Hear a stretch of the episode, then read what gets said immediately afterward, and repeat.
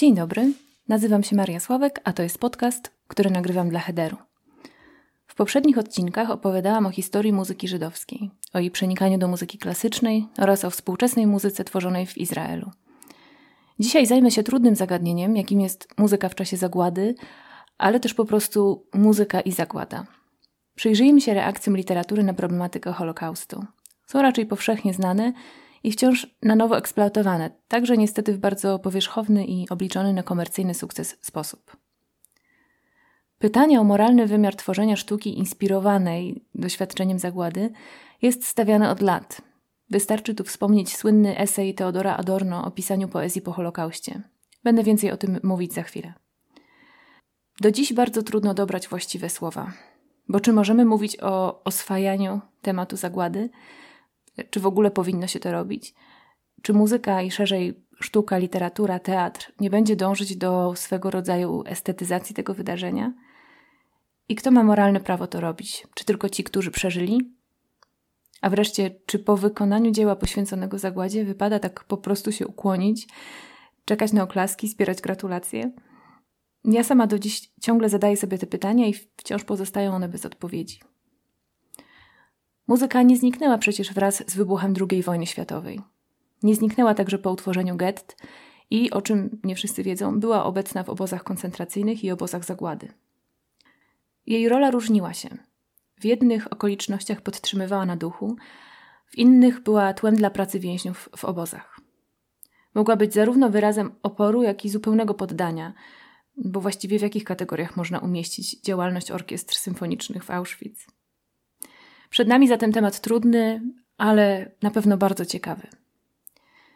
Dzięki wzmiankom Emanuela Ringelbluma w jego kronice getta warszawskiego oraz wiadomościom drukowanym w Gazecie Żydowskiej, ukazującej się dwa lub trzy razy w tygodniu w Krakowie w latach 1940-42, możemy dowiedzieć się choć trochę o życiu kulturalnym w gettach w Warszawie, Krakowie i Łodzi.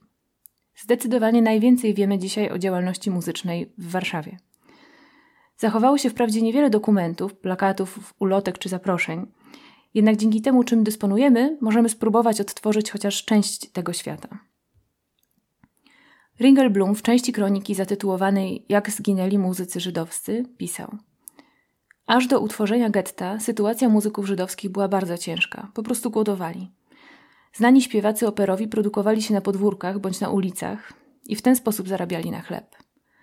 Muzycy tworzyli orkiestry, które okupowały niektóre ruchliwe ulice. Urządzali prawdziwe koncerty na ulicy i podwórzach większych. Ludzie zamknięci na niewielkim terenie, w olbrzymim ścisku, niepewności, postępującym głodzie i niezrozumieniu próbowali choć w pewnym stopniu zachować swoje przedwojenne zwyczaje. W getcie znaleźli się przecież zarówno mieszkańcy najbiedniejszych dzielnic Warszawy, jak i Żydzi zasymilowani, korzystający przed wojną z oferty kulturalnej miasta.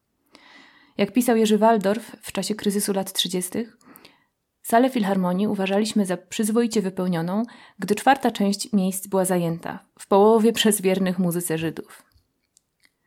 Wszystkie te grupy społeczne stłoczone w getcie miały tę samą potrzebę przywołania chociaż pozoru normalności. Jak wspominał w pamiętniku pisanym w połowie 1944 roku mieszkaniec getta Jan Mawult, jego zapiski znajdują się dziś w archiwum Żydowskiego Instytutu Historycznego – Śpiew i muzyka na każdym kroku. Na ulicach, tamując ruch, w podwórzach, na placach, na skwerkach. Znów gama najprzeróżniejszego rodzaju. Śpiewacy i śpiewaczki, wspaniałe arie operowe i pieśni cudowne. Verdi, Puccini, Meyerbeer, Moniuszko, Niewiadomski i, o bezczelności żydowska, Schubert, Schumann i Wagner. I pieśni polskie, żydowskie, i zwykli śpiewacy uliczni, nie mający głosu, nie umiejący śpiewać, śpiewający pieśni najdziwniejszego pochodzenia, własnej kompozycji słowno-muzycznej. Tak odbywa się w głównej mierze, poza teatrami i kawiarniami, muzyczno-śpiewaczymi zaspokajanie potrzeb mieszkańców getta w zakresie sztuki. Pod koniec 1940 roku getto warszawskie było już zamknięte i obmurowane. W gazecie żydowskiej znajdujemy wzmianki o coraz poważniejszej działalności artystycznej. Pojawiają się recitale wokalne, fortepianowe, skrzypcowe – Poza muzyką poważną działają też sceny rewiowe, kabaretowe i literackie. Powstawały kwartety smyczkowe, chóry, a wreszcie także, jako reakcja na coraz większe zapotrzebowanie, orkiestra. W getcie znalazło się bowiem sporo muzyków, dawniej współtworzących zespoły Filharmonii Warszawskiej, Teatru Wielkiego czy Polskiego Radia. Żydowska Orkiestra Symfoniczna, którą prowadził Szymon Pullman, rozpoczęła formalną działalność z początkiem 1941 roku. Nie było to łatwe zadanie. W getcie brakowało niektórych instrumentów i konieczne było aranżowanie utworów na istniejący skład. Pierwszy koncert orkiestry odbył się jeszcze w listopadzie 1940 roku w sali Biblioteki Judaistycznej przy ulicy Tłomackie 5, czyli w gmachu dzisiejszego Żydowskiego Instytutu Historycznego. Wykonano m.in. dzieła Ludwiga van Beethovena i Edwarda Griega. Na kolejnych równie odważnie włączano do repertuaru dzieła Bacha, Mozarta i Czajkowskiego. Dlaczego tak podkreślam odwagę? Niemcy bowiem zezwalali na wykonywanie wyłącznie muzyki żydowskiej lub o charakterze żydowskim, cokolwiek miało to znaczyć, a już szczególnie obraźliwe było dla nich granie utworów wielkich Niemców przez polskich Żydów. Podobnie zresztą wykonywanie utworów Chopina mogło wiązać się z prześladowaniem wykonawców i słuchaczy. W tym miejscu mam poczucie, że nie może zabraknąć właśnie Chopina. Posłuchamy więc jednego z jego mazurków. Mazurka Cismol, opus 50, numer 3, w wykonaniu Róży Etkin-Moszkowskiej, laureatki trzeciej nagrody pierwszego międzynarodowego konkursu Chopinowskiego w Warszawie w 1927 roku. Róża Etkin wraz z mężem ukrywała się na Żoliborzu w domach przyjaciół aż do 16 stycznia 1944 roku, kiedy to została rozstrzelana przez niemieckie oddziały opuszczające rujnowaną Warszawę.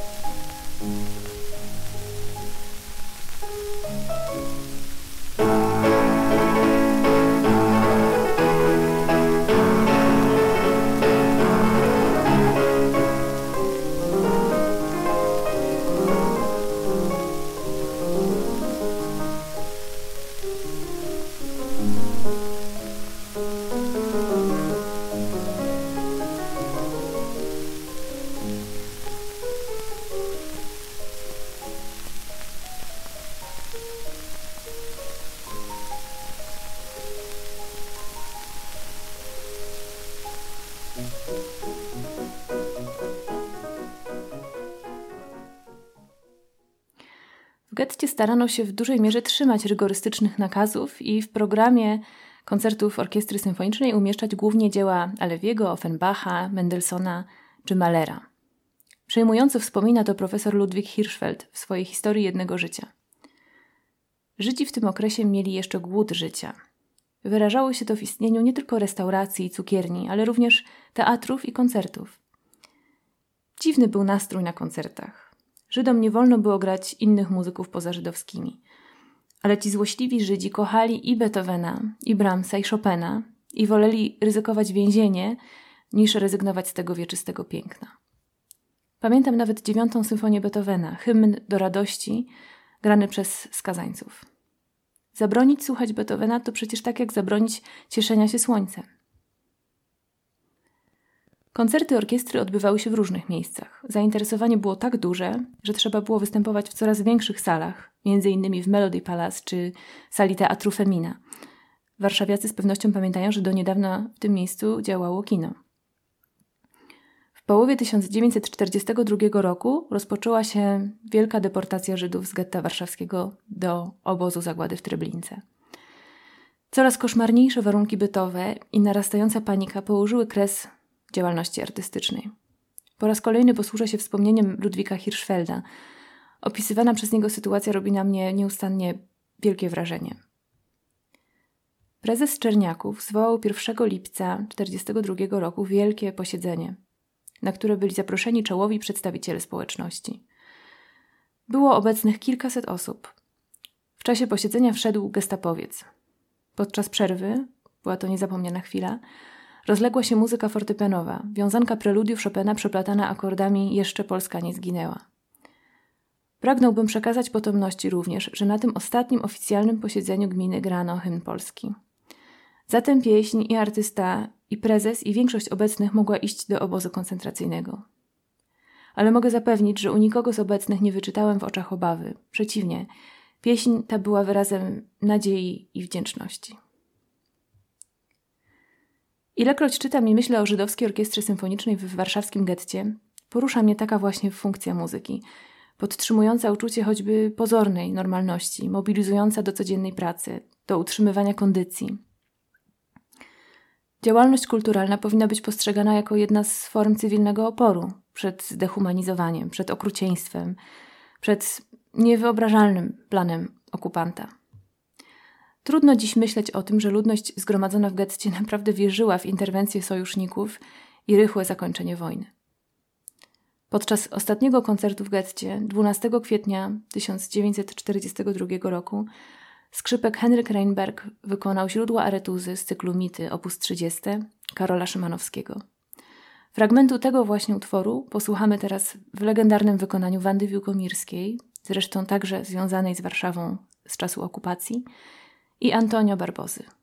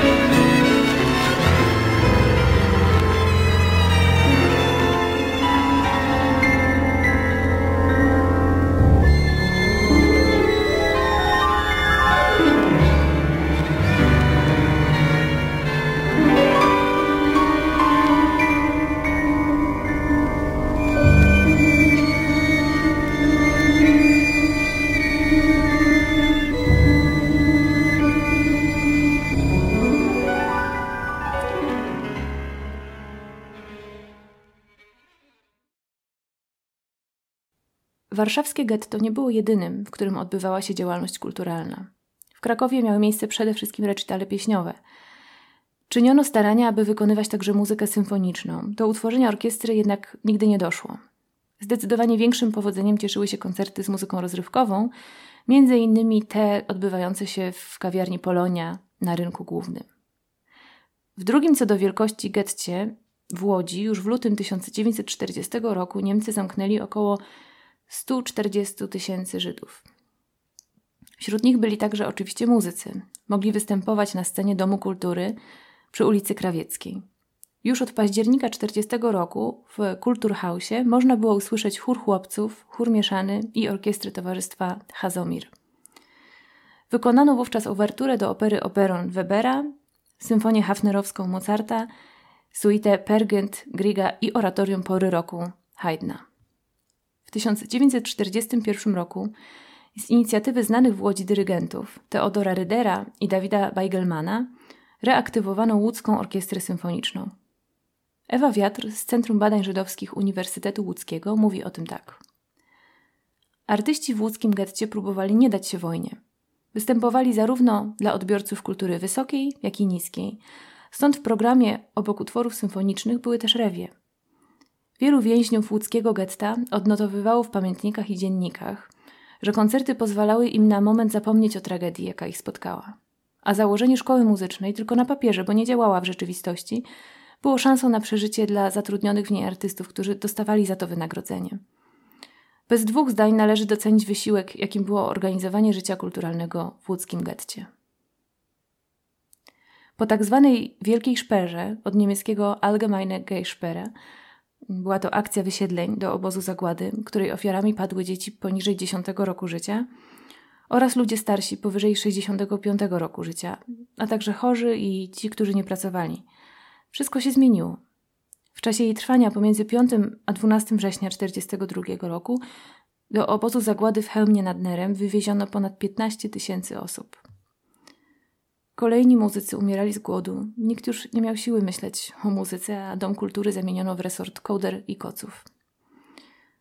Ostatnim tragicznym akordem była konfiskata instrumentów muzycznych, którą zmuszony był nadzorować sam David Beigelman. Odbyła się ona 17 stycznia 1944 roku. Kiedy zestawi się w jednym zdaniu muzykę, orkiestrę i obóz koncentracyjny, można mieć poczucie, że jest to połączenie niemożliwe, niewłaściwe i nawet perwersyjne.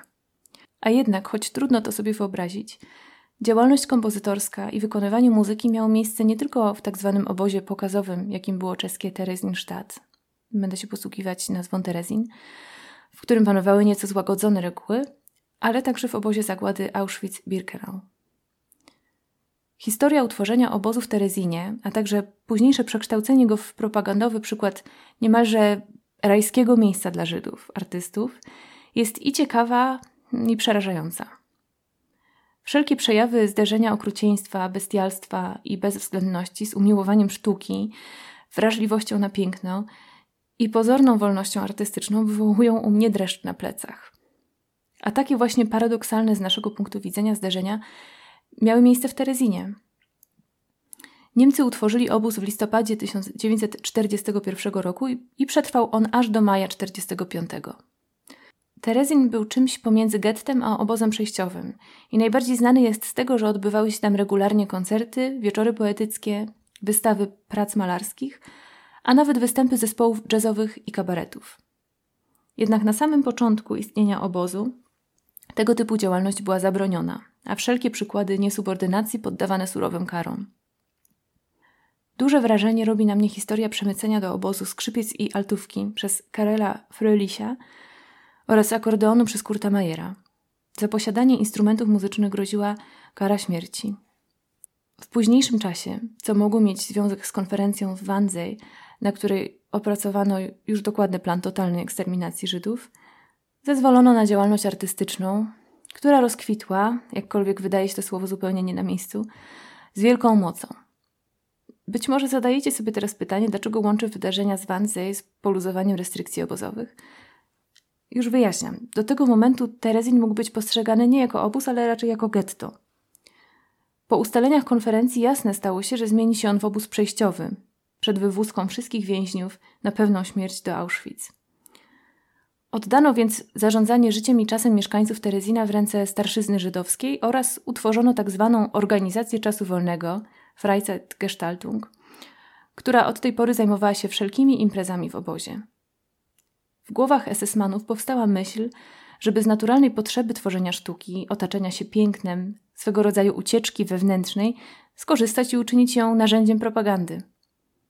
Przytoczę tu słowa czeskiego muzykologa Milana Kuny – tym, którzy tego nie współtworzyli, wydaje się to wszystko niemal nierealną, absurdalną wędrówką na krawędzi między komedią i tragedią.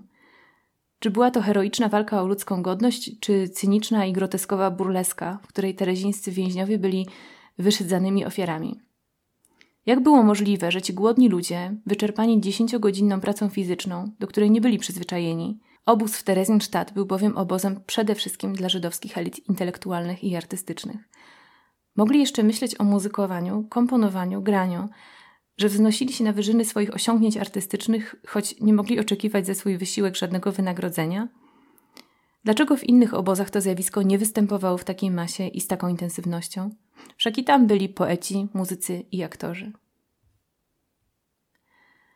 Ważne wydaje mi się też zaznaczenie, że wszyscy więźniowie w każdym obozie ulegali tej samej, w pełni przecież zrozumiałej iluzji, że jeśli będą potrzebni, wartościowi, jeśli zaznaczą jakoś swoją odrębność, a nie będą jedynie przeznaczoną do unicestwienia bezkształtną masą, ocalą swoje życie.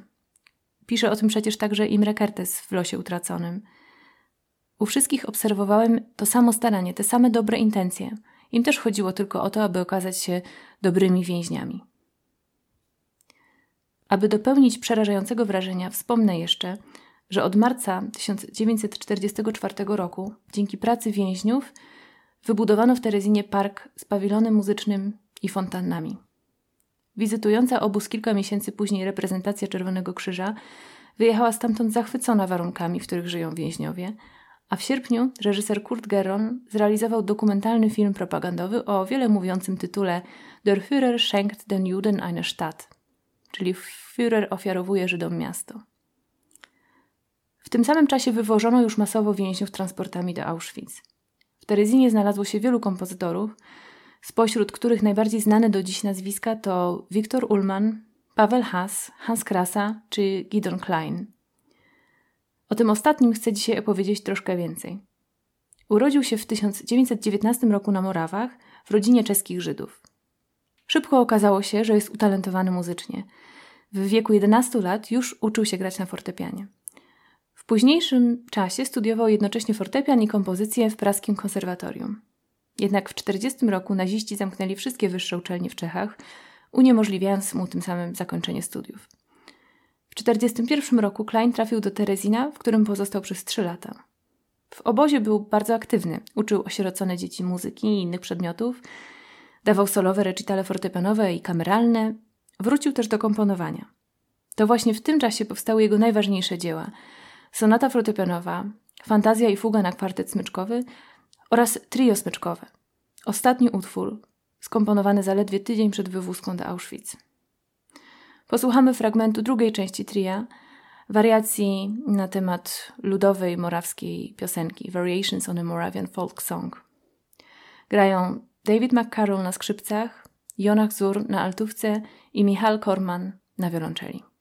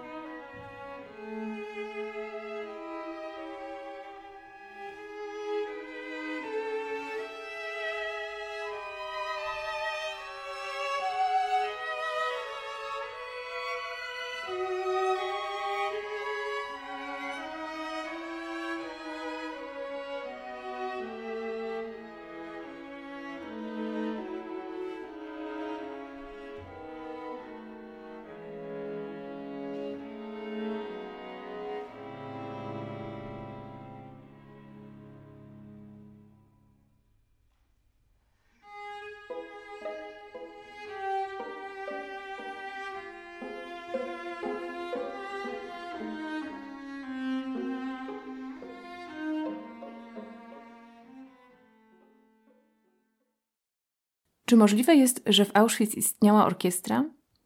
Wydaje się to zupełnie nieprawdopodobne. A jednak, powiem więcej, istniała nie jedna orkiestra, a nawet zespoły jazzowe.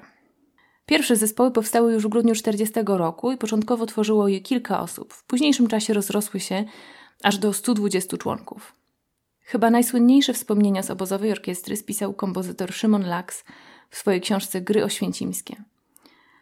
Laks, urodzony w Warszawie w 1901 roku, w latach dwudziestych ukończył studia kompozytorskie w Konserwatorium Warszawskim i postanowił kontynuować je w Paryżu. W 1942 roku, po internowaniu w obozie pod Orleanem, trafił do Auschwitz. Tam współtworzył obozową orkiestrę, której główną i trzeba przyznać, że przerażającą rolą było przygrywanie więźniom przy wychodzeniu i wracaniu z codziennej pracy.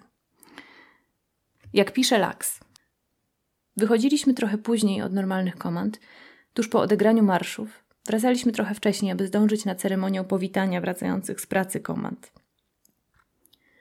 Może to było złudzenie psychiczno-akustyczne, ale zdawało mi się, że wieczorne marsze graliśmy w tempie nieco zwolnionym, aby dotrzymać kroku tym, którzy wracali.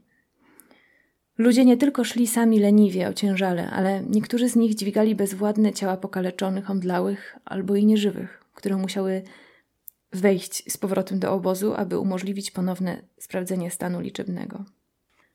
I jeszcze kolejny fragment. Opowiadano po wojnie, że w obozach niemieckich wieszanie schwytanych więźniów z biegów odbywało się przy dźwiękach muzyki.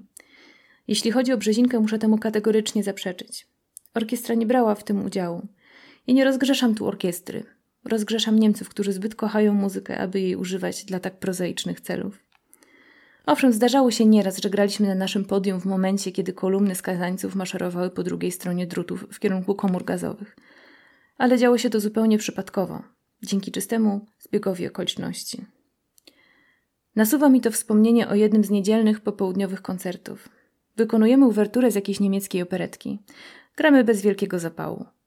Obóz jest dziwnie pusty. Ze strażnicy dobiegają nas donośne dźwięki radia, które stapiają się z naszymi we wdzięczną kakofonię. Nie przejmuje się tym nasz doktor flecista, który właśnie wykonuje na swym instrumencie sentymentalne, a zarazem wirtuozowskie solo.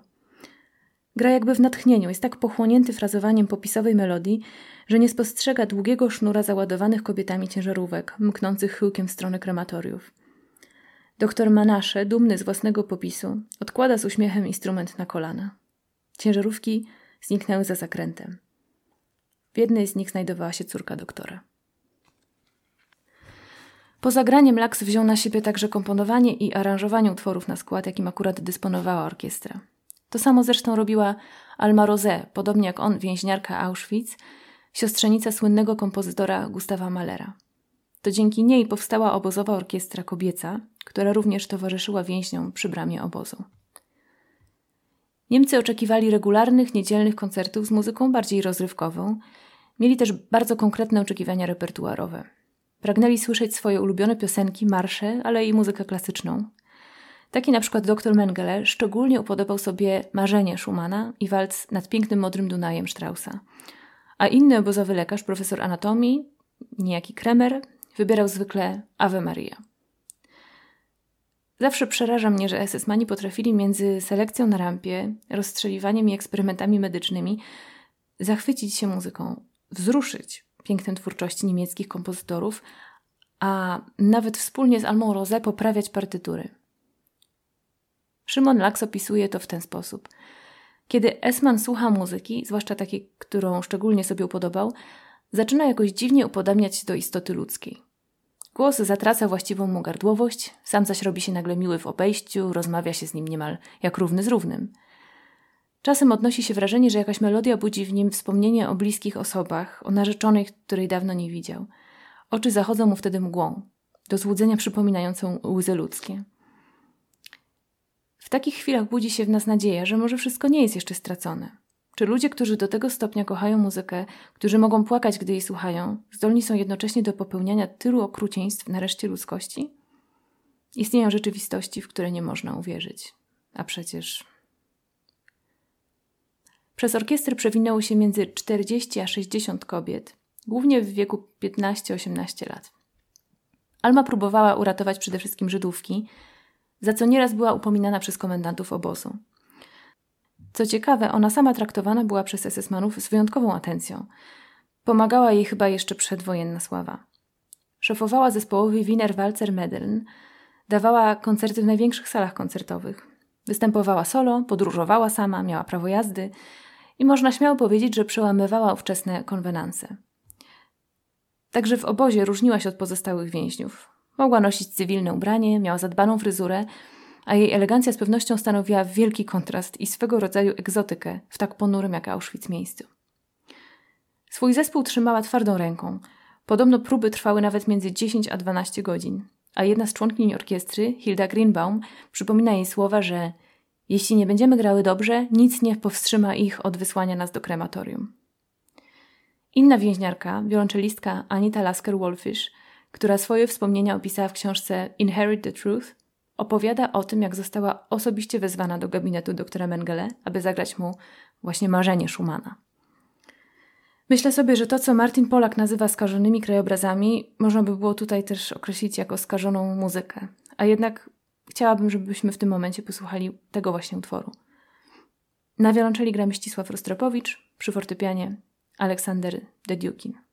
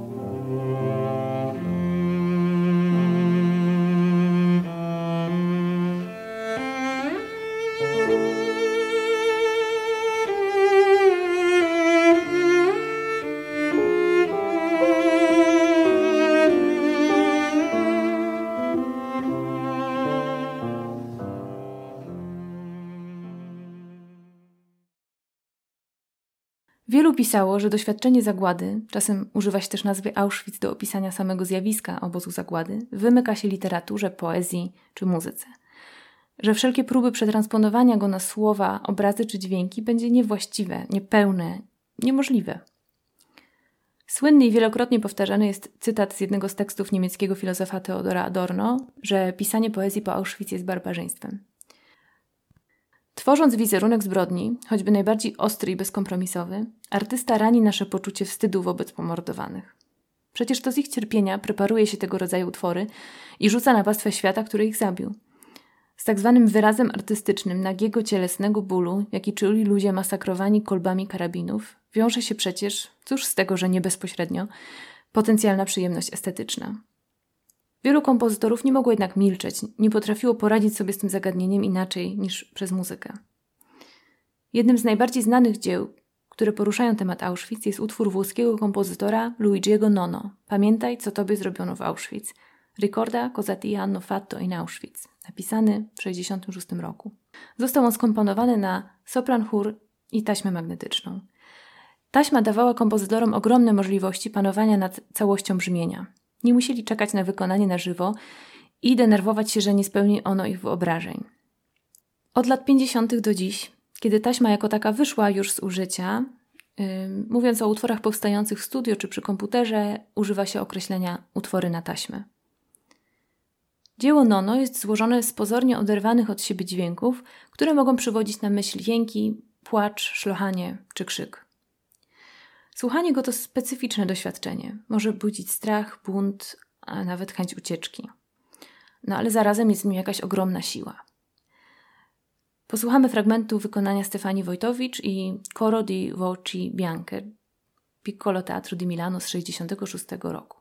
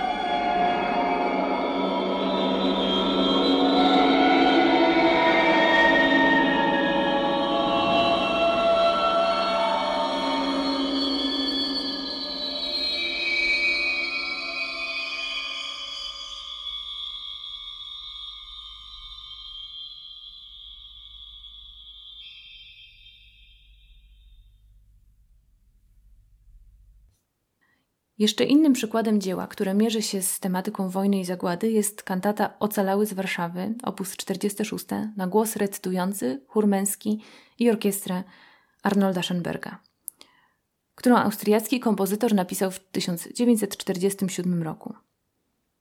Jeśli znacie nazwisko tego kompozytora, to pewnie kojarzy się ono z dodekafonią, czyli atonalną techniką dwunastotonową. Można by to inaczej nazwać techniką, która ogranicza skalę użytych w dziele dźwięków do tylko 12 tonów i odrzuca swego rodzaju uprzywilejowanie pozycji niektórych dźwięków w skali, czyli nie mamy już toniki subdominanty i dominanty i napięć wynikających z tych właśnie dźwięków. Krótko mówiąc, Schoenberg szukał nowych możliwości kompozytorskich, w których dźwięki mogłyby być bardziej abstrakcyjne, stworzyć nowe, w opozycji do systemu Durmol, połączenia między sobą. Schoenberg urodził się w rodzinie żydowskiej i w 1933 roku z powodu prześladowań wyemigrował do USA. To właśnie tam skomponował Ocalałego z Warszawy. Sam napisał tekst, który wygłasza narrator, na końcu dodając modlitwę, najważniejszą modlitwę żydowską, Shema Izrael. Sytuacja, którą opisuje, jest prawdopodobnie kompilacją kilku usłyszanych historii z gett w Warszawie i Wilnie. Umiejscowienie ostatecznej akcji w Warszawie ma pewnie związek z tym, że to właśnie w tym mieście odbyło się powstanie w getcie.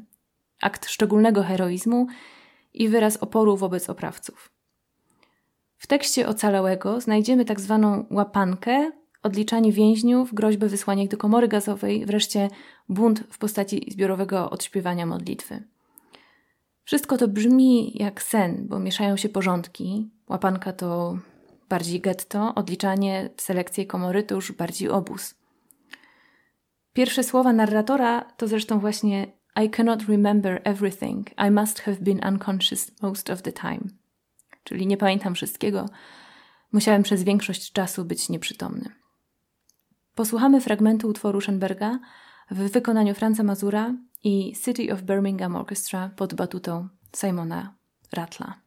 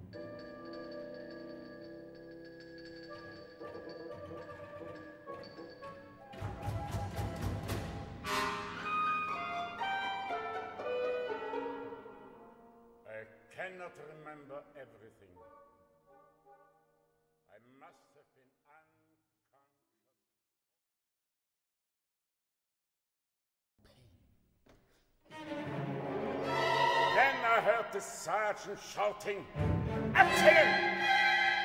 They started slowly and irregularly. One, two, three, four. Achtung! The sergeant shouted again. Rascher! Lasst mal von vorn anfangen! In einer Minute will ich wissen, wie viel ihr zur Gaskammer abliefere!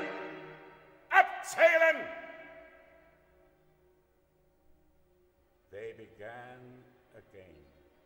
First slowly. One, two, three, four. Became faster and faster, so fast that it finally sounded like a stampede of wild horses. And all of a sudden, in the middle of it, began singing, Israel!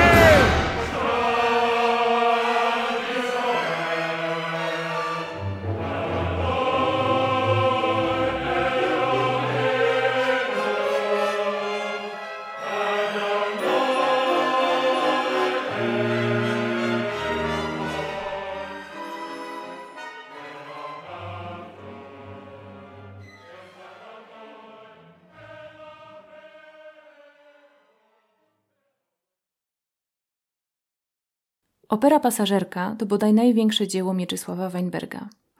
Utwór, który w sposób niebywały mierzy się wprost z tematyką obozu. Auschwitz, także rozumianego jako symbol zamiarów i dokonań III Rzeszy, winy, odpowiedzialności i życia po apokalipsie.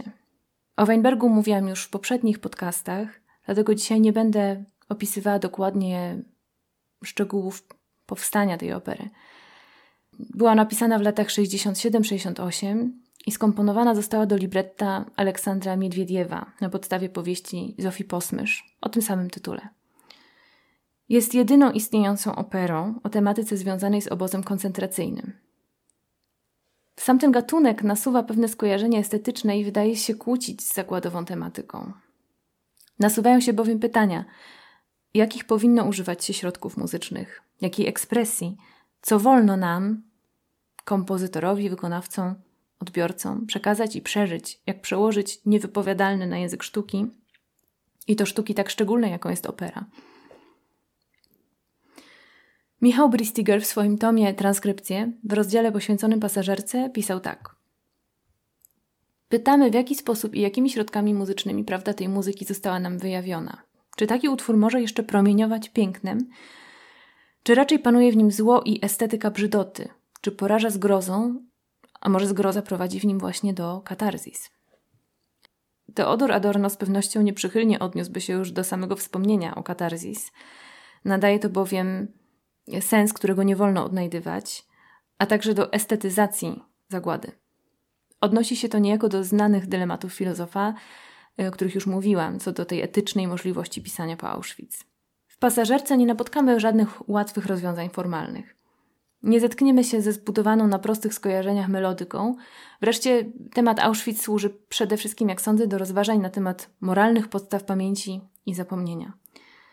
Stawia też słuchacza przed koniecznością wyobrażenia sobie hipotetycznego spotkania kata i ofiary w sytuacji poobozowej, z pozoru neutralnej. Akcja opery dzieje się równolegle w dwóch płaszczyznach czasowych. Kilkanaście lat po wojnie i w Auschwitz w latach 43-44. Lisa wraz z mężem, niemieckim dyplomatą, podróżuje transatlantykiem do Brazylii. Na statku spotyka pasażerkę, która okazuje się być Polką, więźniarką w obozie, w którym Lisa była nadzorczynią.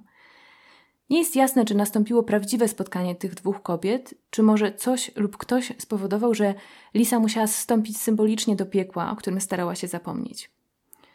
Znamienne jest w tej postaci poczucie krzywdy, zaprzeczenia i niewinności, którym zaraża także swojego męża. Najbardziej przejmujące wydaje mi się właśnie to wyparcie i nieudana ucieczka od obciążającej przeszłości. W warstwie muzycznej spotykamy ciekawe rozwiązania.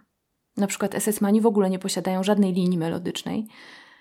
Kulminacyjnym momentem wokalnym opery jest Oda Marty, polskiej więźniarki, do wolności, zaś instrumentalnym pojawiająca się szakona z drugiej partity demol na skrzypce solo Jana Sebastiana Bacha, którą jako wyraz buntu gra Tadeusz, ukochany Marty.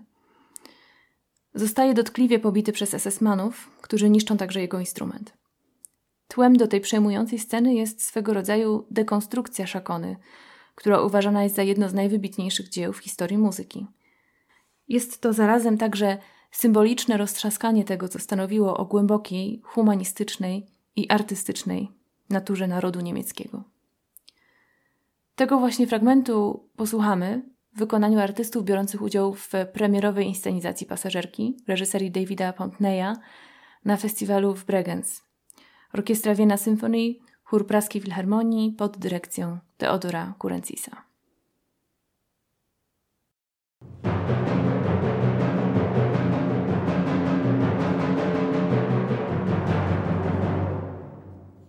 Spiel dem Kommandanten den Walzer vor! Spiele wie vor Gott dem Herrn, du wirst dich bald mit ihm treffen. Fang an!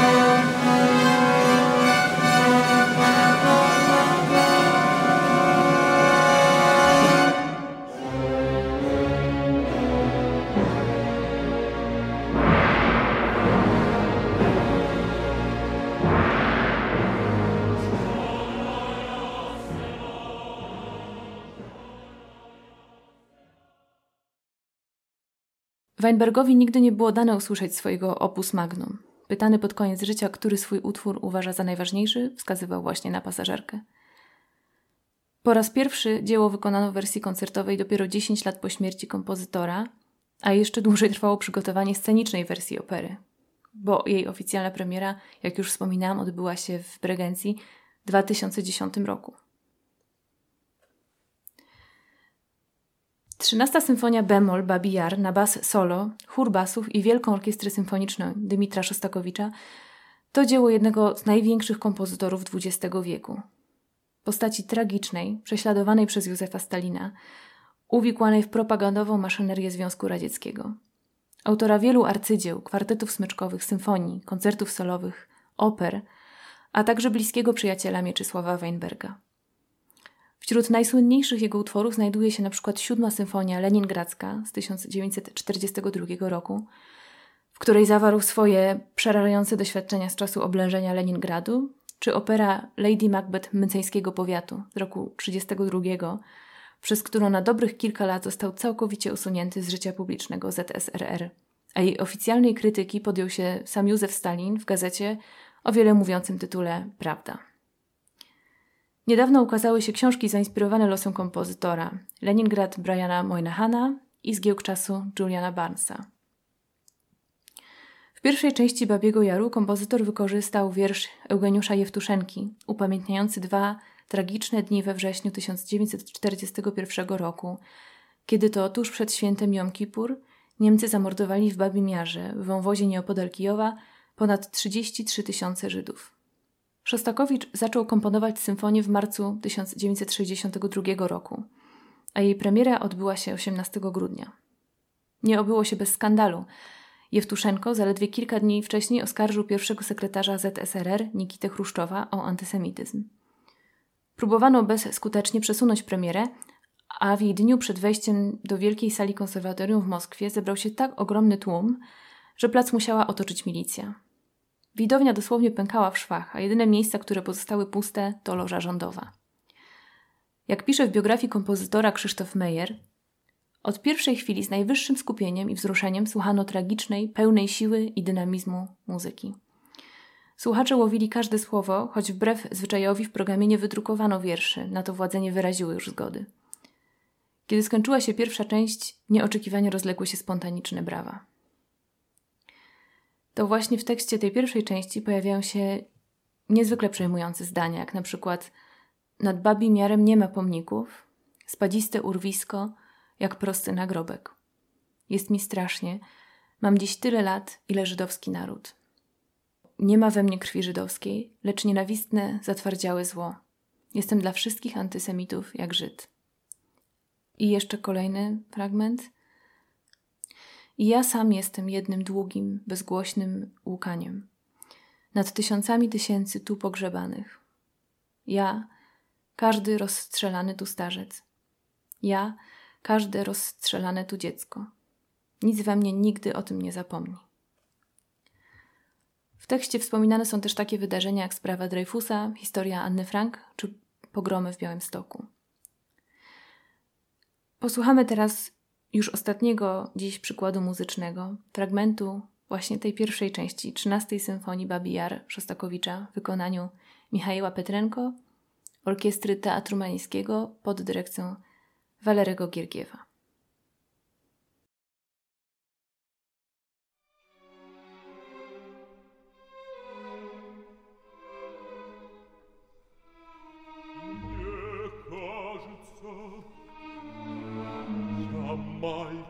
che la stocche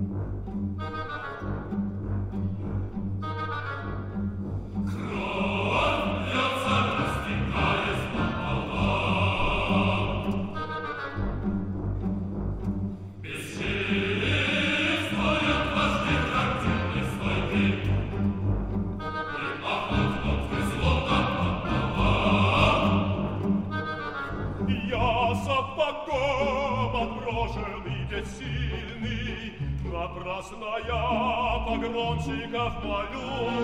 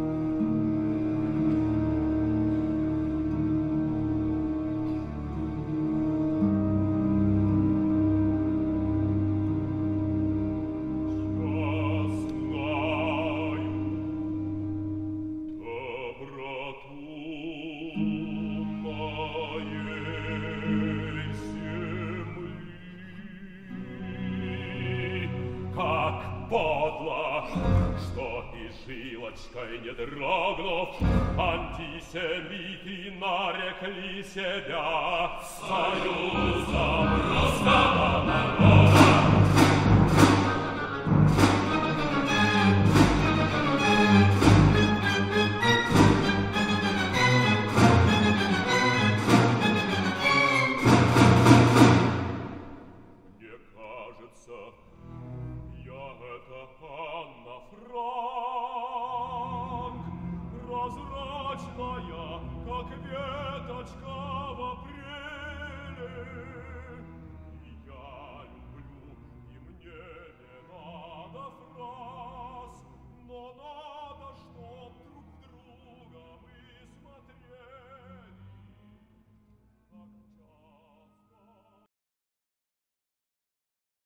Do utworów odnoszących się do doświadczenia zagłady Żydów można oczywiście dodać jeszcze takie dzieła jak Symfonia Kadisz Weinberga, Dies Irae Pendereckiego y, czy Kadisz, także jego autorstwa i również Kadisz napisany przez Leonarda Bernsteina. Ale wspominałam o nich przy okazji poprzednich podcastów.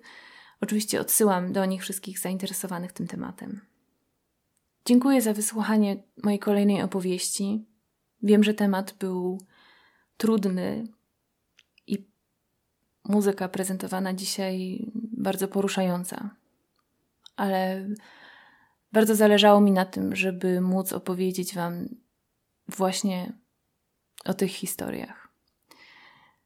Zapraszam do śledzenia wydarzeń organizowanych przez Heder i Festiwal Kultury Żydowskiej, a także oczywiście zapraszam na koncerty, jeśli już będzie można je grać publicznie. Do usłyszenia.